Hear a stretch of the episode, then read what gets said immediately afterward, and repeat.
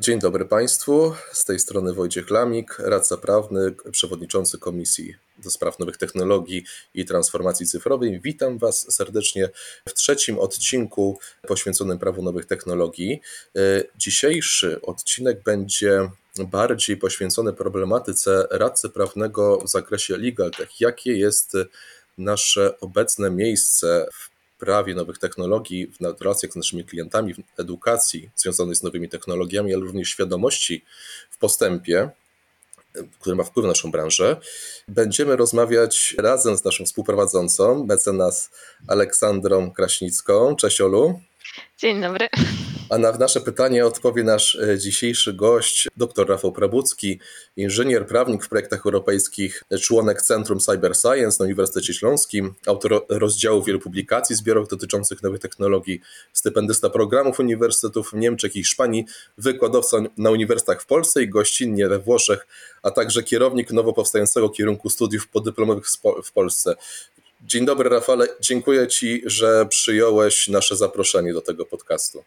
Ja również dziękuję. Miło mi tu być. Dobrze, to przechodząc do meritum, zacznijmy od takich podstawowych e, informacji. Powiedz nam, czym tak naprawdę jest legal tech, bo wydaje mi się, że najpierw musimy sobie takie kwestie wyjaśnić, zważywszy przede wszystkim na to, że ten termin jest, tak przynajmniej ja odnoszę wrażenie, zdecydowanie nadużywany w naszym środowisku prawniczym. Bardzo dobre pytanie. No niestety, y, jeżeli chodzi o te wszystkie nazwy, które są związane z nowymi technologiami, no bardzo często mamy tutaj do czynienia z tak zwanym czyli nadmierną ekscytacją, tym, że coś się zmienia. Najlepszym tego przykładem było słowo blockchain, które bardzo często przez kilka lat pojawiało się, ale koniec końców okazywało się przy analizie pewnych projektów, że tam żadnego blockchainu nie ma. I z LegalTechem prawdopodobnie będzie podobnie.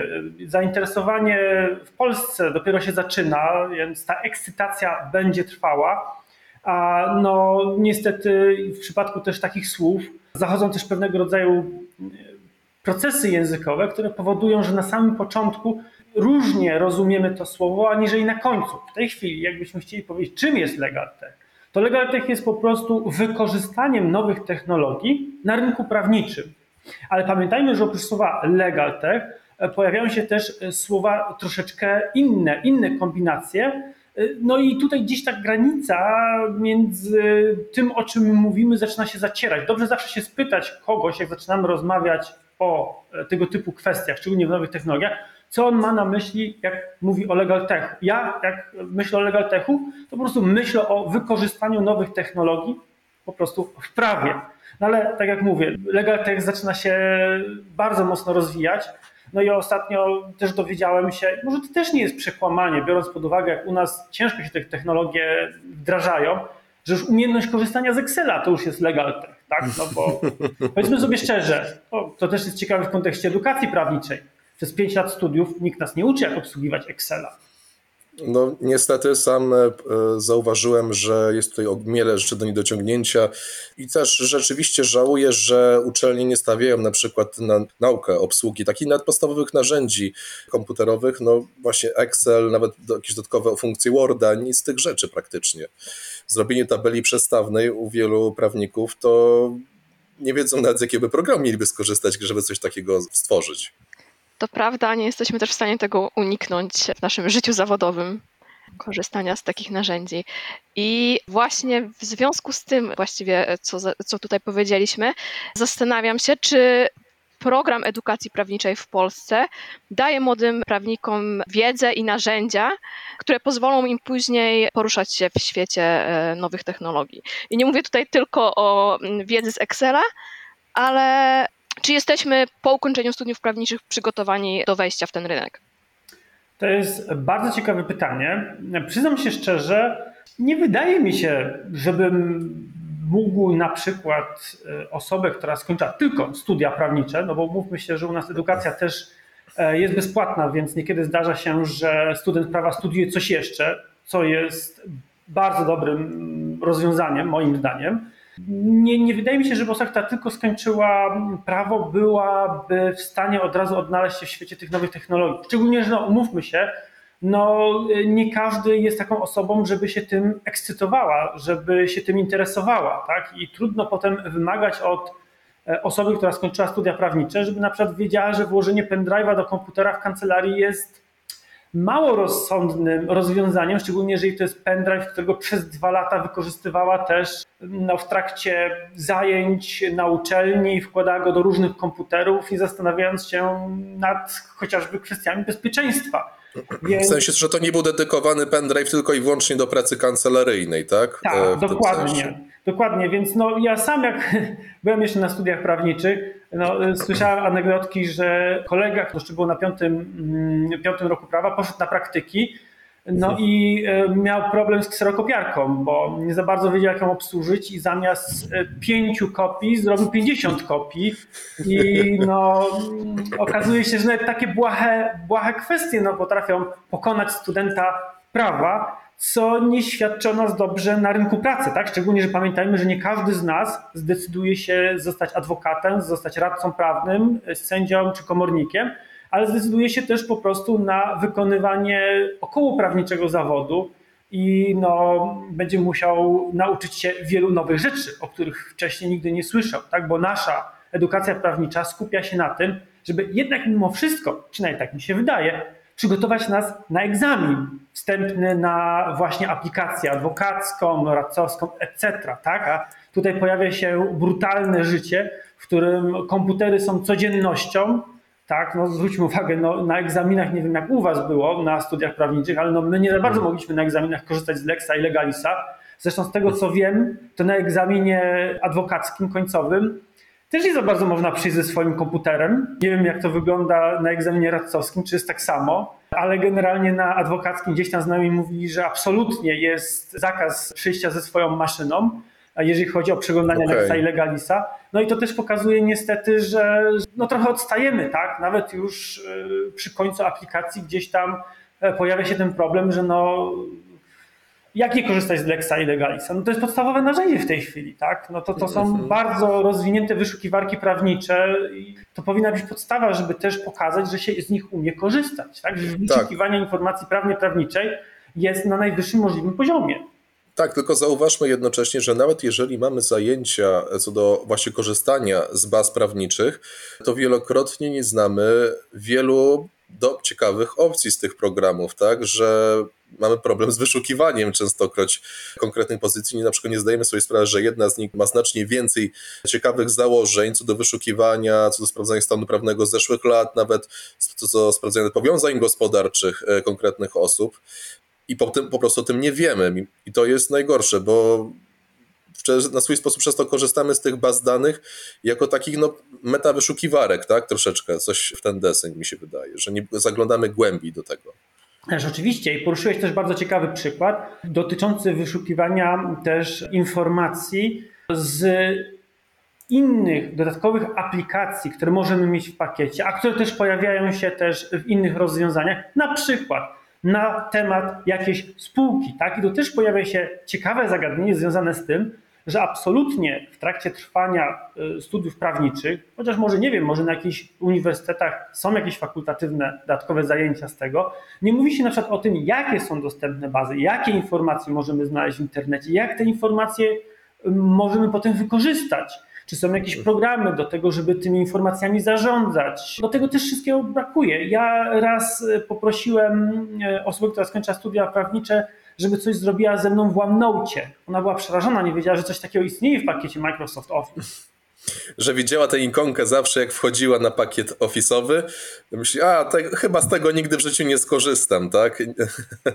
To jest chyba jakiś taki dodatek, jakaś dodatek, dodatek, coś, ten deseń. No ale sam, czy kto pierwszy rzuci kamieniem teraz, sam się przyłapałem na tym, że jak jeszcze e, prowadziłem zajęcie na studiach doktoranckich, no to dopiero wówczas zetknąłem się z Microsoft Forms na przykład, tak? No, czyli to też jest e, jedna z dodatkowych i przy okazji bardzo ciekawych opcji no, co do prowadzenia zajęć, ale też jednocześnie w edukacji prawników, tak, która jest bardzo przydatną opcją. A rzeczywiście i powiem Ci nawet więcej, Microsoft Forms to jest jedna sprawa, ale e, w pakiecie z Teamsem, który został udostępniony uczelnią i to tak jak mówisz, jest dosyć bogaty, chociaż to też zależy, czy korzystamy z bezpłatnej wersji, czy to uczelnia zdecydowała się zapłacić za pełną wersję Pojawia się wiele innych y, narzędzi, które pozwalają nam na przykład tworzyć na potrzeby edukacji całe takie y, wirtualne poradniki, więc możemy bardzo szybko, mając swój wykład, mając dużo treści, stworzyć dla studenta czy też słuchacza y, swoisty mini poradnik. Też nic nie stoi na przeszkodzie, żeby go opublikować i udostępnić i narzędzia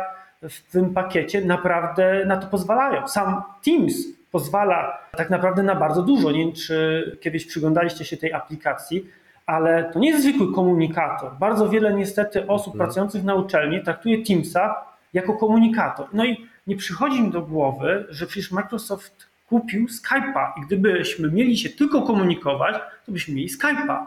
A Microsoft Teams to jest combine, to jest narzędzie, które pozwala naprawdę fantastycznie przygotować zajęcia dla studenta. Tam mamy możliwość załadowywania plików, tworzenia grup, przygotowywania wewnętrznych plików wiki. Więc naprawdę to jest potężne narzędzie do edukacji i chyba mało kto potrafi z tego korzystać.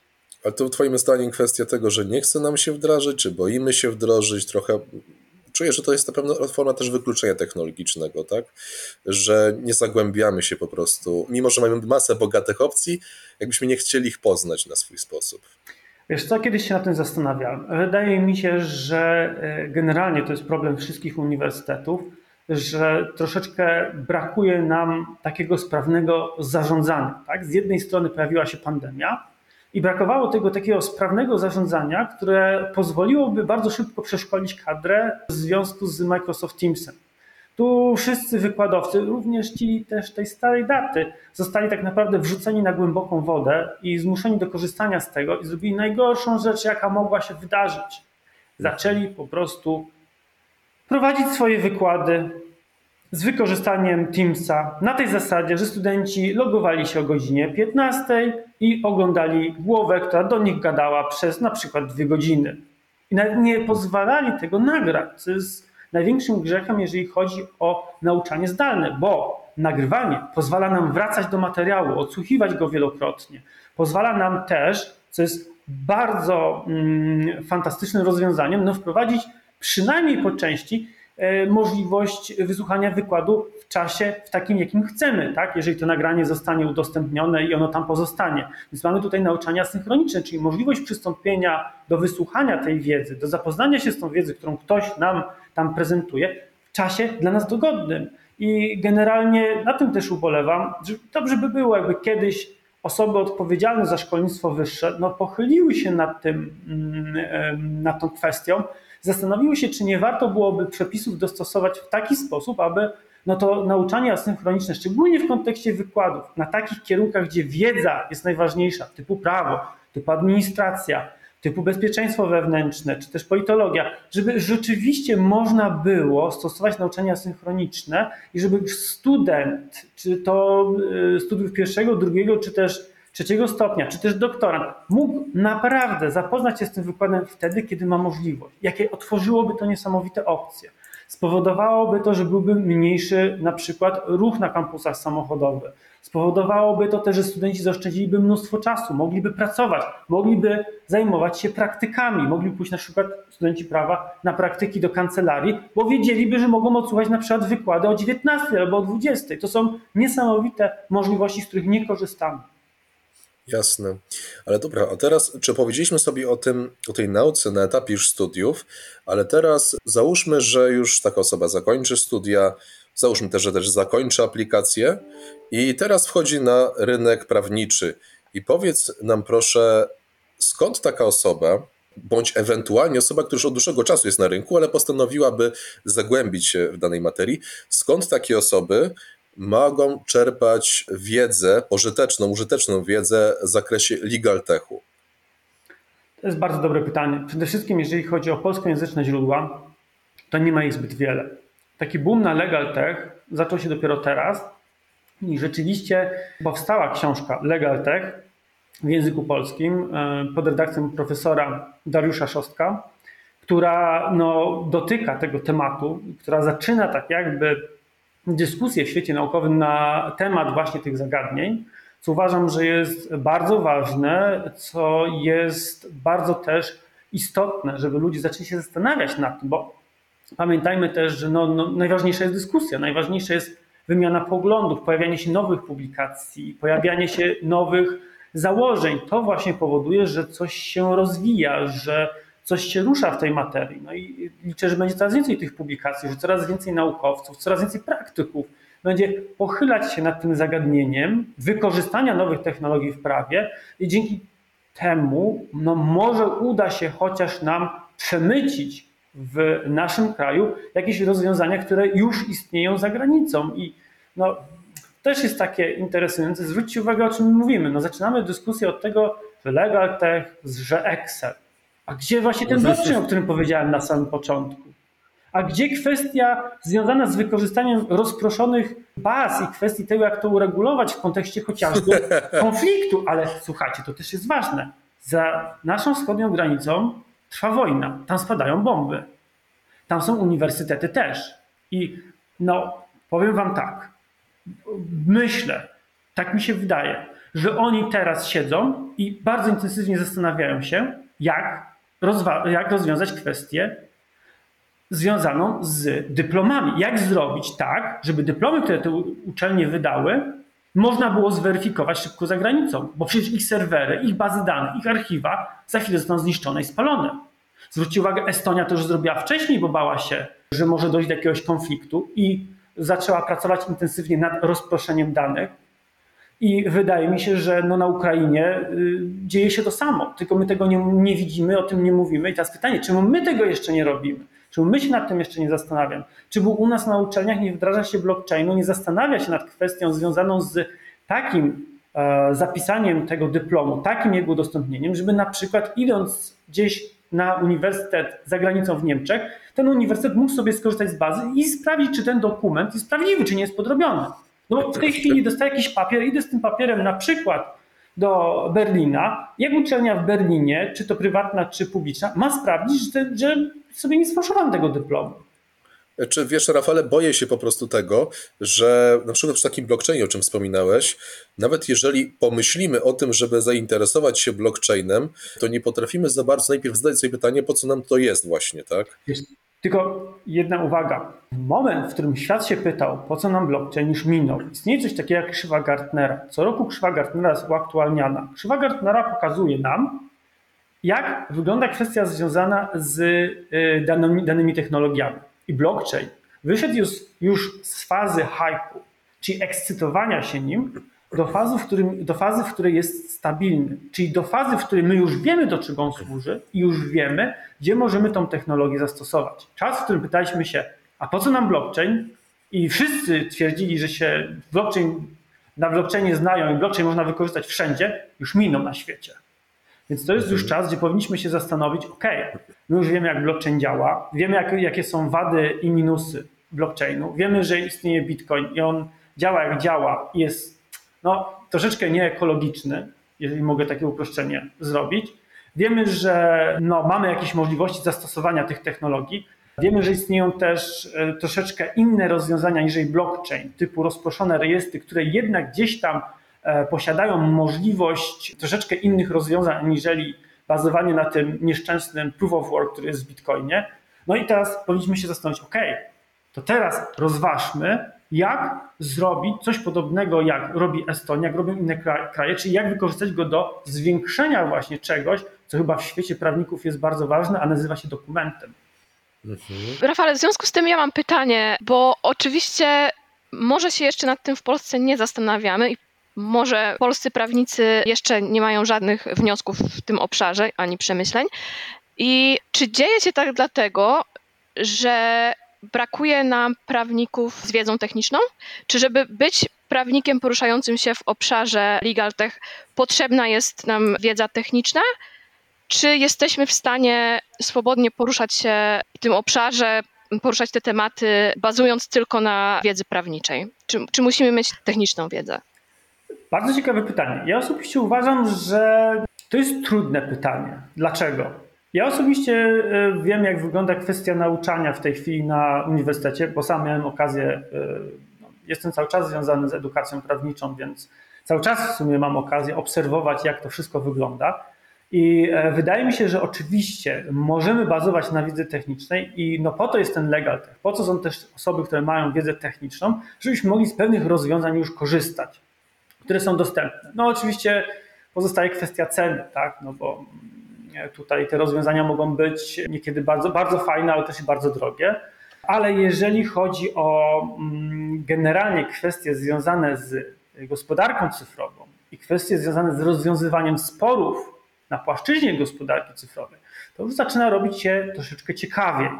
Bo mm, o ile wydaje mi się, że w kancelarii wystarczy kogoś zatrudnić albo posadzić kogoś, kto zrobi bardzo dobry y, research, czyli bardzo dobrze posprawdza wszystkie rozwiązania i wybierze to najlepsze, o tyle już w kwestii rozwiązywania sporów w gospodarce cyfrowej, no ta wiedza jest niezbędna. I to na przykład zauważyli Chińczycy.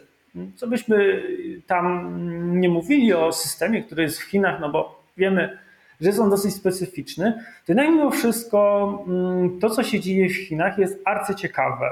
I chodzi o to, że oni teraz zorientowali się, że nie za bardzo mają prawników i potrzebują wykształcić nowe elity prawnicze. Chociaż elity w przypadku Chin prawnicze to brzmi troszeczkę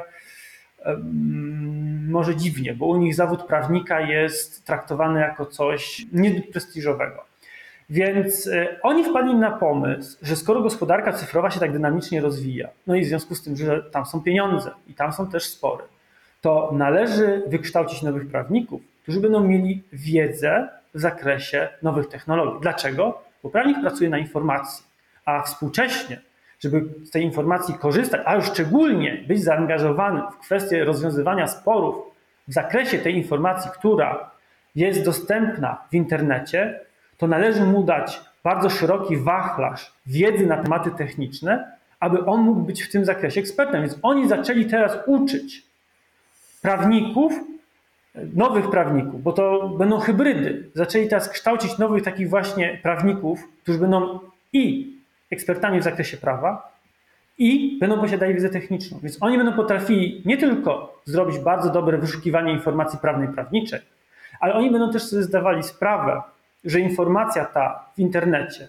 która jest związana z pewnymi danymi, musi być odpowiednio zabezpieczona, bo niezabezpieczone dane mogą być łatwo zmienione. Oni będą sobie zdawali sprawę z istoty kryptografii. Oni będą wiedzieli też, jak wygląda gospodarka cyfrowa i na przykład jak w razie sporu, właśnie z wykorzystaniem kryptografii i y, tego, jak specyficzne są te wszystkie dane, które są cyfrowe, je zabezpieczyć w kontekście na, na przykład kwestii dowodowej. Więc to jest bardzo ciekawy kierunek, jeżeli chodzi o kształcenie nowej elity prawniczej. No i oczywiście pytanie, czy u nas też nie należałoby zrobić podobnie, a z drugiej strony no, to by niestety skutkowało daleko idącymi zmianami, na które myślę, że w tej chwili nie jesteśmy gotowi. Czyli tak naprawdę mamy do czynienia z formowaniem się tosu prawnika epoki cyfrowej, tak? wychodzę z założenia, to jest tylko moje przeświadczenie, że nawet jeżeli prawnik, nawet jeżeli będzie się interesował prawem nowych technologii, tak, i nawet jeżeli nie będzie jakoś w 100% znał e, wszystkich technicznych nowinek, w sensie, że coś potrafi zaprogramować i tym podobne rzeczy, ale chociażby ta wiedza, jaką nabędzie, nawet chociaż teoretyczna, będzie mu tyle potrzebna, albo też przydatna, żeby po prostu nawet wiedział, że coś takiego jest, żeby nawet mógł kogoś zapytać, bo sobie zdaje sprawę, że tutaj gdzieś leży program i się już przynajmniej orientuje, że jakaś jest problematyka do rozwiązania, tak? Bo jeżeli w ogóle nie mam świadomości w zakresie nowych technologii, to nie będziemy w stanie nawet zadać pytanie, tak? W tym sensie. Dokładnie, zgadzam się. Jeszcze mi przychodzi do głowy następująca rzecz. Pojawia się coraz częściej takie bardzo fancy sformułowanie inżynier prawa. Czy Wiesz coś w tym zakresie, w tej materii? Tak. To jest jak zawsze. Nazwa, Marketing. Będzie, to jest nazwa, która będzie ewoluować. W tej chwili myślę, że spokojnie mógłbym sobie napisać inżynier prawa i część osób patrząc na y, taką etykietkę będzie zastanawiać się, czy to znaczy, że jestem jakiś legal technologist, czy coś innego, bo są inżynierią prawa, to jest tak ciekawie, no, że sugerujemy, że jest coś związanego z prawem, no i jakiś tam, jakaś tam inżynieria. W ogóle generalnie hmm, trzeba byłoby się zastanowić nad tym pojęciem. Ono do nas przyszło z tłumaczenia tekstów anglojęzycznych, bo przyznam się szczerze, ja już się z tym pojęciem spotkałem kilka lat temu i sugerowało po prostu osoby, ekspertów, którzy znaliby się e, właśnie na kwestiach związanych z e, informacją, ale informacją dostępną w internecie. Ale ta inżynieria prawa jest też ciekawym sformułowaniem, bo ona nas też kieruje w kierunku takiego nurtu, w ogóle generalnie inżynierii w prawie. Bo zwróćcie uwagę, mhm. prawo jest kierunkiem ścisłym czy humanistycznym? No większość osób powie, że humanistycznym, ale zwróćcie uwagę, że prawnik tak naprawdę rozwija się w dwóch kierunkach podczas studiów. No, niektórzy twierdzą, że w trzech ostatnio, ale takie dwa kierunki są najbardziej dostrzegalne. Pierwszy, no to kwestia tego, że on będzie się zajmował rozwiązywaniem sporów, a więc będzie chodził do sądu, a więc będzie prowadził mediacje, negocjacje, etc. I drugi kierunek, bardzo techniczny, prawnika, który będzie przygotowywał umowy, czyli będzie tak formułował różne postanowienia między stronami, aby zminimalizować ryzyko sporu. I to jest osoba, która musi myśleć ściśle, bo ona bazuje na logice prawniczej, ona bazuje na języku. Ona musi tak wszystko skonstruować, tak po prostu poukładać. Można sobie wyobrazić, że poszczególne nazwy, poszczególne jakieś fragmenty to są pewne klocki Lego i ona musi tak poskładać te klocki Lego, tak ułożyć tą umowę, aby sędzia, który będzie tę umowę sprawdzał, no bo ta umowa jest tak naprawdę dla sędziego, tak? bo on będzie sprawdzał, czy wszystko się zgadza, jeżeli dojdzie do sporu. Nie miał wątpliwości, że jest tak, a tak, jak autor tej umowy chciał. I to jest istotne. To jest, to jest taki kierunek, można było powiedzieć i zaryzykować, bardzo inżynieryjny. Oczywiście. Pojawia się jeszcze kwestia tego, że no, przecież jak ktoś idzie do sądu, to będzie tworzył argumenty, tak? No, to też jest troszeczkę ścisłe. No, ale umówmy się, że to jeszcze wchodzi kwestia ta humanistyczna, czyli ta kwestia związana z człowiekiem, zrozumienia człowieka, więc e, to już nie jest tak inżynieryjne. Ale umowy, umowy są bardzo ścisłe. Mhm. Tak, kwestie logiczne, e, kwestie logiki dla prawników, funktory i, i tym podobne rzeczy. Mi się zawsze inżynieria prawa jakoś tak troszeczkę opierała na tym, że ktoś rzeczywiście ma bardzo bogate też poza prawem zaplecze techni technologiczne, techniczne, e, na przykład dostrzega jakiś problem prawny i częstokroć e, stara się stworzyć jakieś załóżmy oprogramowanie, na przykład sztuczną inteligencję, która miałaby na celu rozwiązywać pewne problemy, tak? Ponieważ łącząc sobie w te dwie gałęzie nauki, jesteśmy w stanie tworzyć coś nowego, jakąś nową jakość i dlatego też wiele osób argumentowało, że to jest właśnie ta inżynieria prawa, tak? Że nowa technologia przy pomocy właśnie tej prawniczej nomenklatury była w stanie stworzyć nową jakość. Tak, no można też na to tak patrzeć. E, albo można też po prostu e, no, patrzeć z punktu widzenia samego pojęcia inżynierii, bo byłem na studiach technicznych i e, tam zawsze pojawiały się te pytania, w sumie będziemy inżynierami, czyli kim? I to jest ciekawe, że inżynierię postrzega się, przynajmniej tak nas się uczy, jako naukę, która ma pomagać ludziom, czyli ma rozwiązywać pewne problemy w taki sposób, aby ludziom było lżej i było lepiej. I wydaje mi się, że powinniśmy w tym kierunku raczej iść, że inżynieria prawa, czyli no, takie podejście do prawa, żeby całej naszej społeczności było lepiej i lżej. Czyli chodzi o takie po prostu dążenie do tego, żeby to prawo rzeczywiście pomagało rozwijać się danej społeczności. No, to już bardzo filozoficznie chyba wyszło. Chyba zdecydowanie tak, ale już powoli już będziemy zmierzać do końca. Już ostatnie takie no, jedno z tych ostatnich głównych pytań. Powiedz mi proszę, bo opowiedziałeś między innymi na przykład o blockchainie, no jako jednej z nowych technologii, nowych zjawisk technologicznych, jakie pojawiają się między innymi w Unii Europejskiej. I powiedz mi, jako dla nas, jako prawników XXI wieku, prawników epoki cyfrowej, jakie czekają nas wyzwania, między innymi przede wszystkim w Unii Europejskiej w kontekście tego rozwoju nowych technologii, na co my jako prawnicy XXI wieku musimy teraz przy tym rozwoju technologicznym szczególnie zwrócić uwagę no przede wszystkim no, w relacjach z naszymi klientami, e, w naszym rozwoju, co jest dla nas na tym etapie najważniejsze? To jest bardzo dobre pytanie. No przede wszystkim dla nas, jako prawników, jako osób, które miałyby styczność, szczególnie jeżeli mówimy o biznesie, czyli styczność z klientami, jest oczywiście najważniejsze zwrócenie uwagi na te wszystkie akty, które dotyczą bezpieczeństwa. Ja wiem, że jest blockchain, ja wiem, że jest sztuczna inteligencja i oczywiście e, bycie ekspertem w tych dziedzinach też jest istotne. Pojawiają się klienci, którzy się pytają, czy moja aplikacja jest sztuczną inteligencją i czy w związku z tym muszę przeanalizować AI Act, tak? No i no, trzeba byłoby jakoś doradzić. Ale z punktu widzenia każdego prawnika, czyli nawet tego, który zajmuje się rozwodami, nawet tego, który zajmuje się jakimiś kwestiami rodzinnymi, będzie kwestia bezpieczeństwa informacji, które będzie gromadził na potrzeby danej sprawy. A więc kwestia na przykład zastanowienia się nad tym, z jakich urządzeń on korzysta w kancelarii. Czy, nie, czy korzysta na przykład z Alexy. W związku z tym, czy rozmowy z klientem przy Alexie są bezpieczne czy ona przypadkiem nie, nie zbiera informacji, które gdzieś tam, słów kluczy na przykład, które gdzieś padają w trakcie rozmowy z klientem. Zbierania tych danych na przykład w jakiejś chmurze zewnętrznej. Czy to jest bezpieczne dla klienta, czy te dane gdzieś nie wypłyną. Bezpiecznego korzystania z sprzętu komputerowego, czyli zastanowienie się na tym, co, e, jak ten komputer, jakie powinien mieć parametry, jakie powinny być na nim oprogramowania.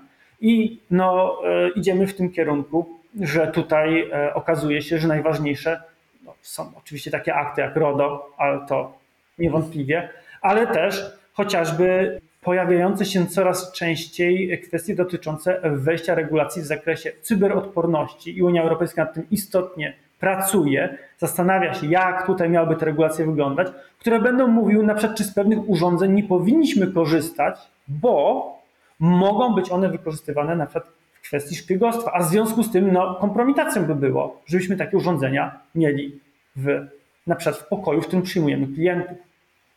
Jedno tak, a jednocześnie musimy pamiętać, że informacja, e, teraz takie ukuło się ostatnio e, ciekawe powiedzenie, że informacja jest dzisiejszą ropą XXI wieku, tak? A tym samym e, dane, między innymi dane osobowe, ale też dane nieosobowe, no, są, można je w uproszczeniu przeliczać na pieniądze. I tym samym, jeżeli na przykład reprezentujemy naszych klientów, musimy brać pod uwagę samą wartość tych danych, tak? E, I odpowiednio regulować kwestie związane z tym przepływem danych osobowych i, i też nieosobowych siłą rzeczy. I na to też będziemy musieli z pewnością zwrócić uwagę e, w najbliższym czasie. Tak, a się generalnie wydaje mi się, że wszystkie nowe regulacje, które będą dotykały kwestii danych i e, czy to są dane osobowe, czy jakiekolwiek inne dane, będą bardzo ważne. Powiedzmy sobie szczerze, RODO pokazało, że już jest dezaktualizowane, że trzeba je zmienić, że musi, muszą pojawić się nowe przepisy. Więc będą na pewno jakieś aktualizacje. Muszą się pojawić. No bo zwróćmy uwagę, mieliśmy przepiękny przykład tego, że wszystko może się położyć. Patrzcie, Cambridge Analytica skandal, tak? To pokazało nam, mhm. że wcale nie jesteśmy chronieni z punktu widzenia prawa i że można nami pięknie sterować. I no tutaj pojawiają się właśnie te kwestie, które wydaje mi się, że pojawią się albo w zaktualizowanym akcie, e, w nowym akcie właśnie dotyczącym ochrony danych osobowych, albo pojawią się w nowych w ogóle generalnie właśnie aktach, które będą związane już z cyberodpornością całej Unii Europejskiej. Mhm. Okej. Okay. Rafale, może na koniec takie pytanie. Jaką radę dałbyś e, młodym prawnikom chcącym pracować w obszarze legal? Tak, może trudne, ale Jakieś pierwsze kroki podstawowe, od tak. czego zacząć? Jako ekspert w tym obszarze, co doradziłbyś młodszym kolegom? Będę brutalny. Powiem tak. Jeżeli chcecie się zajmować legal techem, studiujcie prawo i od razu przy okazji nauczcie się jakiegoś języka programowania. To nie muszą być studia informatyczne. To wystarczy, że to będzie po prostu jakiś kurs, dzięki któremu świetnie, się, świetnie opanujecie, tak jakiś taki porządny kurs, świetnie opanujecie albo Pythona, albo C++, albo cokolwiek nowego, co się pojawi, bo powiedzmy sobie szczerze, już wchodzą komputery kwantowe, już mówimy o nowych możliwościach. Dalej przy okazji w kwestii blockchaina mówimy o języku Solidity, czyli o języku kontraktowym do tworzenia smart kontraktów i to wydaje mi się, że jest przyszłość. Żeby znać jakiś język, sztuczny język do programowania, i po prostu samemu tworzyć bardzo proste aplikacje legaltechowe i potem na ich bazie próbować rozwijać jakieś swoje fajne pomysły, mając wiedzę nie tylko prawniczą, ale jeszcze wiedzę właśnie taką techniczną w zakresie jakiegoś języka sztucznego jakiegoś języka y, programistycznego. Jasne.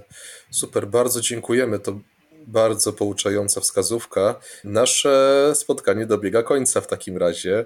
Bardzo Ci dziękujemy, Rafale, bo to było strasznie te wszystkie wskazówki dotyczące LegalTech, jak wyglądają obecne realia w, w zawodzie nie tylko radcy prawnego, ale też jednocześnie prawnika w XXI wieku. I cóż nam pozostaje? Cały czas trzeba się dokształcać, cały czas e, trzeba szukać stale nowych rozwiązań, aktywizować się zawodowo. I zatem jeszcze raz dziękuję serdecznie. Rafale, dziękuję Ci bardzo, Olu, za udział. A Wam wszystkim dziękuję też za odsłuchanie tego odcinka. I pozostaje mi życzyć Wam e, wszystkiego dobrego i miłego weekendu. Do zobaczenia Państwu i do usłyszenia. Dziękuję. Do usłyszenia. Również dziękuję i zapraszam na studia Cyber Science, żeby się dokształcić.